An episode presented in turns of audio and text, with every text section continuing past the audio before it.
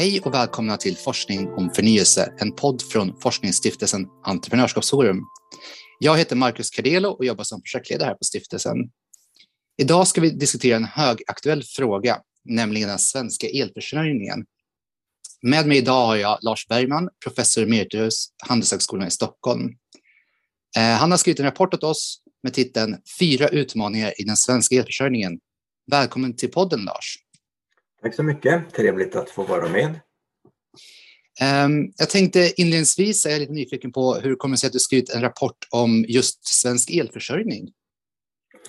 Ja, det är faktiskt så att eh, jag har sysslat med elmarknadsfrågor väldigt länge. Jag var lite grann inblandad i elmarknadsreformen i mitten av 90-talet. Inte formellt, men lite grann som bollplank och jag skrev en liten bok på SNS. Och sen har jag följt och forskat kring olika frågor som rör elmarknaden ända sedan dess. Och nu har det ju blivit väldigt eh, spännande och intressant. Olyckligt på många sätt men också väldigt intressant.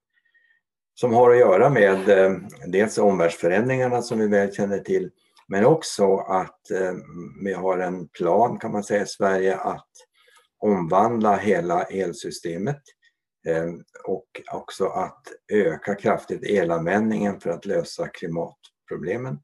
Så att vi har framför oss en situation med en förväntad stor ökning av elanvändningen och samtidigt en omvandling av elproduktionen väldigt mycket i riktning mot vindkraft. Så, och det skapar ett antal intressanta frågor. Ja, precis. Det är som sagt en högaktuell fråga. Ehm, så du får gärna berätta lite mer vad du undersökte i rapporten. Vad, vad är de här fyra utmaningarna som titeln skvallrar om till exempel? Det finns många olika utmaningar, men jag har koncentrerat mig på fyra. De fyra som jag tror är de svåraste och viktigaste. Och en rör eh, elförsörjningens framtida leveranssäkerhet, alltså förmåga att leverera el i precis det ögonblick den efterfrågas. Och eh, frågan aktualiseras ju av att vindkraft är en så kallad intermittent kraftkälla.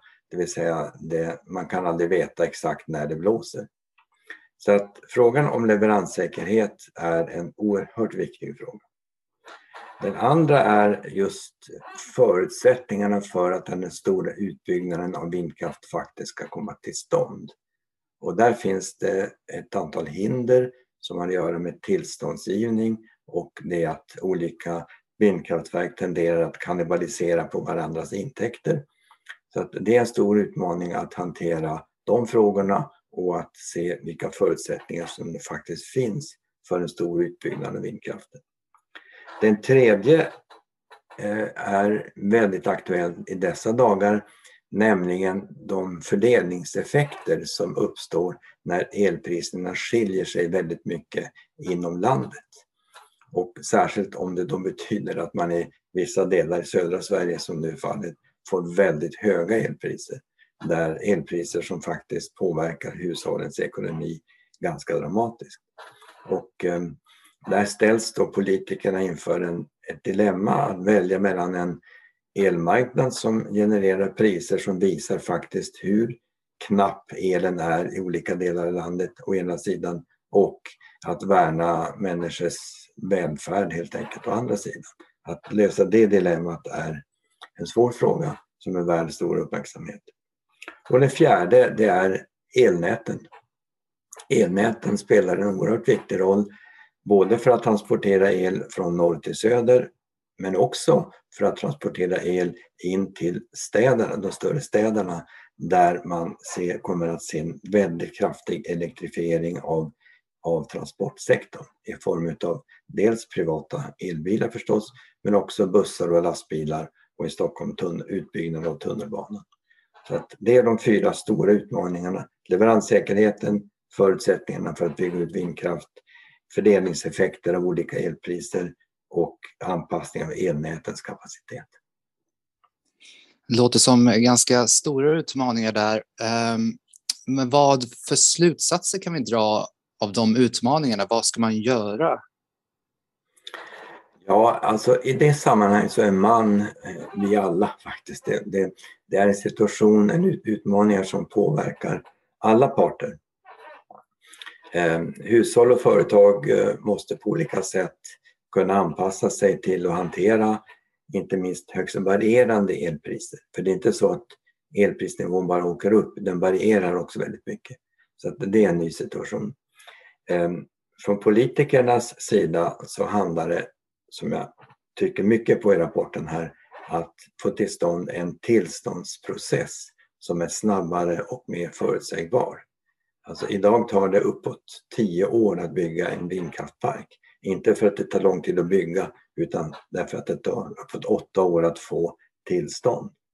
Så där är en stor utmaning för politikerna. Se till att vi får snabbare tillstånd helt enkelt. En, annan, en, fråga, en, en, sak som jag ofta hör i debatten, det är den här frågan med just vindkraftverk, att de producerar ju faktiskt inte el när det blåser. Så kan, det, kan man säga att det är en relevant invändning? Ja, det är i högsta grad en relevant invändning och den är lite grann kopplad till ett missförstånd som cirkulerar mycket i debatten tycker jag, nämligen man säger att vi producerar så mycket el i Sverige så vi kan exportera så mycket och det kan, då kan det väl inte vara något problem. Ungefär. Och det är helt sant att vi producerar mycket el och att vi exporterar mycket. Men vi har ett problem med det som kallas för effekt. Det är att producera el just när det behövs. Och där har vi det är leveranssäkerhetsproblemet. Och det är ja, vindkraftens problem helt enkelt att, att man inte kan styra exakt när den ska producera. El måste ju produceras i samma ögonblick som den konsumeras och där har vindkraften svårigheter. Um, en, en, lösning som, som vissa för fram då är ju havsbaserade vindkraftverk. Eller är den mer planerbar än landbaserad? Kan, kan den vara en lösning? Alltså havsbaserad vindkraft kan lösa ett par problem. Dels så är förmodligen människors motstånd mot att ha vindkraftsnurror ute till havs betydligt mindre än att ha dem nära inpå sig. Så att från den synpunkten är det en fördel med havsbaserad. Havsbaserad vindkraft har också längre drifttid per år. Alltså det, det blåser helt enkelt mer till havs. Men eh, det är samma brist på förutsägbarhet exakt när det blåser och hur mycket. Så att just det här problemet med osäkerheten, det, det gäller även havsbaserad vindkraft. Um, om det finns sådana här osäkerheter i systemet med, med, som också påverkar priserna, med, som vi har just nu, väldigt höga priser, finns det risk för att, vi, att systemet inte klarar av det och att vi kan bli utan ström bitvis? Alltså elsystemet fungerar och det kommer att klara av det hela. De som kan ha svårigheter att klara av det, det är just hushåll och företag som, som konfronteras med väldigt höga elpriser och som, som tyvärr kommer att finnas med oss ett bra tag, skulle jag tro. Och eh, det är det stora. Det är elsystemet som tekniskt ekonomiskt system fungerar även om priserna är höga och så. Men det är just användarnas problem som är stora. Ehm, du nämnde här att det verkar som att problemet kan finnas med oss en, en längre tid. Finns det någonting vi kan göra idag som, sänker, liksom, som förbättrar situationen snabbare? Ehm, det finns inte så väldigt mycket man kan göra på kort sikt, men en sak kan man göra och, det är att eh, som användare, både i hushåll och företag, eh, gå över till timmätning och timdebitering. Därför att, och, att utnyttja perioder med lägre priser. Och då är det så att priserna varierar över dygnet. Om vi bara tar just dagens situation i Stockholmsområdet så det lägsta priset under detta dygn är 20 öre per kilowattimme. Det högsta är 8,50 per kilowattimme. Och har man antingen manuellt eller digital utrustning som styr elanvändningen bort från de dyraste timmarna till de billigaste, då, då kommer man att, att spara en hel del pengar. Och det kan man göra ganska snabbt. Dessutom är det så att hela systemets leveranssäkerhet eh, ökar om, eller förbättras om fler inte konsumerar när det är så dyrt. Så dyrt eller de, de högsta priserna. För det inträffar ju då när bristen på kapacitet börjar vara på, påfallande. Så att säga. Så timmätning eh, och timdebitering. Och det är då att anpassa sig till variationer under dygnet men också mellan dagar. Jag kan nämna att bara för några dagar sedan uppe i, norra Sverige då var medelpriset under dagen 1,7 öre. Två dagar senare var det 52 öre. Alltså 40 gånger så mycket. Eh, och det var låga nivåer förvisso men det visar att variationerna både inom dagarna och mellan dagarna är väldigt stora. Och det kan man anpassa sig till. Vi får försöka bli mer flexibla helt enkelt i vår elanvändning kanske på, ja. Eh, snabbt här. Um, hur, hur ser det ut med planerbar energi? Eh, liksom, hur mycket mer behövs det? Liksom, vad pratar vi om? Ett kärnkraftverk, två eller vad? Ja, man, det beror naturligtvis på hur mycket efterfrågan och produktionen ska öka när det kommer till kritan. Men man kan ju ta en utgångspunkt i att se på Svenska kraftnäts bedömning av kapacitetsläget eller effektsituationen. Och man tittar på tre fall, normalvinter, tioårsvinter och tjugoårsvinter. Alltså en tioårsvinter är en sån som statistiskt inträffar var tionde år eller en gång under en tioårsperiod och motsvarande för 20-årsvinter. Och där är då bedömningen att för att klara en 20-årsvinter så skulle man behöva 3300 megawatt mer i vårt system. Ett stort, riktigt stort kärnkraftverk som våra största har ungefär 1000 megawatt. Så det skulle då vara ungefär tre, eh, tre nya stora kärnkraftverk för att ha en riktigt säker situation. Men ehm, det, det, går nog att klara sig med mindre än det. Men det krävs redan vid en så kallad normalvinter under nuvarande förhållanden så är det 1600 megawatt för lite effekt i vårt system. Så att ehm, även det är en avsevärd mängd ny kraftproduktion som måste till. Men det måste vara planerbart, det som då kan styras till att producera just när det behövs. Um, finns det några andra kraft, kraftslag som är planerbara förutom kärnkraft? Ja, det som man använder för att klara sådana här kortvariga toppar i de flesta länder som inte har vattenkraft, det är ju gasturbiner. Man kan ha biogaseldade turbiner och de går ganska fort att bygga. Det finns, man kan också köra dem på diesel men det kanske man inte vill i dessa tider. Men det finns möjligheter att, att göra det. Sen också kan man ha så kallade pumpkraftverk vilket betyder att man när det är eh, gott om el och låga priser så har man pumpar som pumpar upp vatten i magasinen och, sen kan man producera lite mer när efterfrågan är stor. Så det finns, finns olika metoder men vi har dem inte på plats i Sverige därför att vi har haft en så hög leveranssäkerhet i vårt system med mycket kärnkraft och mycket vattenkraft. Kärnkraften har stått för basproduktion. Den flexibla vattenkraften har kunnat anpassas till efterfrågan. Och vi, är, på väg in i en ny situation, vi är nästan där redan och eh, vi har inte riktigt byggt upp det system som krävs för detta. På lite längre sikt så kommer förmodligen lagringstekniken att förbättras, alltså möjligheten att lagra el i form av batterier eller vätgaslager eller vad det kan vara för någonting. Och då, då kommer man kunna hantera vindkraften mycket bättre. Men det ligger en bra bit in i framtiden. Just nu så smittas ju Sverige ganska mycket av eh, elpriser nere på kontinenten. Eh, om vi skulle då till exempel bygga de här gasturbinerna eller fler kärnkraftverk, finns det risk då att vi fortfarande har lika höga priser för att vi måste exportera allt det till kontinenten till höga priser?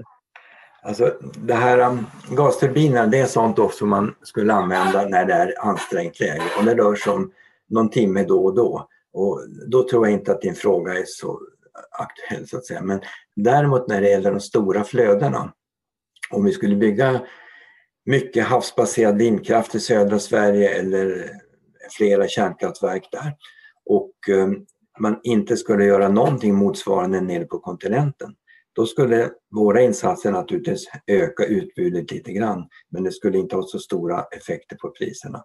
För att södra Sverige är sammanlänkat med, norra, eh, med hela Tyskland kan man säga och sen vidare ut i Europa. Och det som krävs för att få ner priserna det är ökat utbud av el eller minskad efterfrågan på el i det området. Man måste komma ihåg att Tyskland har alltså stängt 14 kärnkraftverk på kort tid. Frankrike har haft problem i driften av en del kärnkraftverk och vi har stängt tre. Så att i detta relevanta område har man alltså minskat kapaciteten med uppemot 20 000 megawatt. Och det är spåren av det som vi ser. Och sen som lök på laxen så att säga så har då ersättningselen i form av gaskraft blivit vansinnigt dyr. Men i grunden så handlar det om en väldigt stor minskning av utbudet. Och det löser vi inte själva och vi är sammanlänkade med, med kontinenten. Vilket är problematiskt i dessa dagar men som vi kanske ska vara glada för när det är kalla vinterdagar när det inte blåser och vi har ont om el i vårt system. För att integrationen är just till för att man ska kunna dra nytta av varandra i olika skeden under året. Tiden rinner iväg när man pratar om intressanta ämnen. Jag tänkte om vi ska sammanfatta lite så var hade du fyra utmaningar i rapporten och det var ju elproduktionens framtida leveranssäkerhet. Det var ju förutsättningarna för utbyggnad av vindkraft eh, och det var ju den internationaliserade elmarknaden och sen eh, el, eh, eh, anpassning av elnätens kapacitet till nya flöden av el. Eh, och vi har ju redan varit inne lite på lösningar här, men vad skulle du säga, liksom, vad, är god, vad är nyckeln till en god elförsörjning framåt? Alltså, alla de här, de på olika sätt hänger samman med, eller pekar på ett stort behov av investeringar, både i produktion och i nät och även en del på användningssidan. Så att investeringar är en nyckelfråga för framtiden och det, rörs, det finns beräkningar på hur mycket och det är många, många miljarder som det handlar om. Och, men det är någonting som kraftföretagen står för och eh, finansmarknaden som ska finansiera. Det som politikerna kan göra det är att lösa eller underlätta den här tillståndsfrågan. För det, den skapar osäkerhet och ut, utdragna, utdragna processer som också då höjer kostnaderna. Så att investeringar och åtgärder för att underlätta investeringarna. Och eh, det jag pekar på i, i den här rapporten är att det är lätt att säga att tillståndsprocessen ska snabbas upp, men vad är det som konkret behövs? Ja, det som konkret behövs är att se över miljöbalken. Eh, kontroversiellt, men nödvändigt. Ja, det, var, det är ganska kontroversiellt, eh, just den sista punkten där, att se över miljöbalken. Men vi hoppas att vi kan få till någon, att investeringar eller eh, snabbare tillståndsprocesser kan komma till på något sätt i alla fall. Mm. Jag skulle vilja tacka dig för din medverkan, Lars. Rapporten finns som vanligt att ladda ner på Entreprenörsforums webbsida. Jag vill också tacka dig som har lyssnat. Tack så mycket för idag. Tack så mycket själv.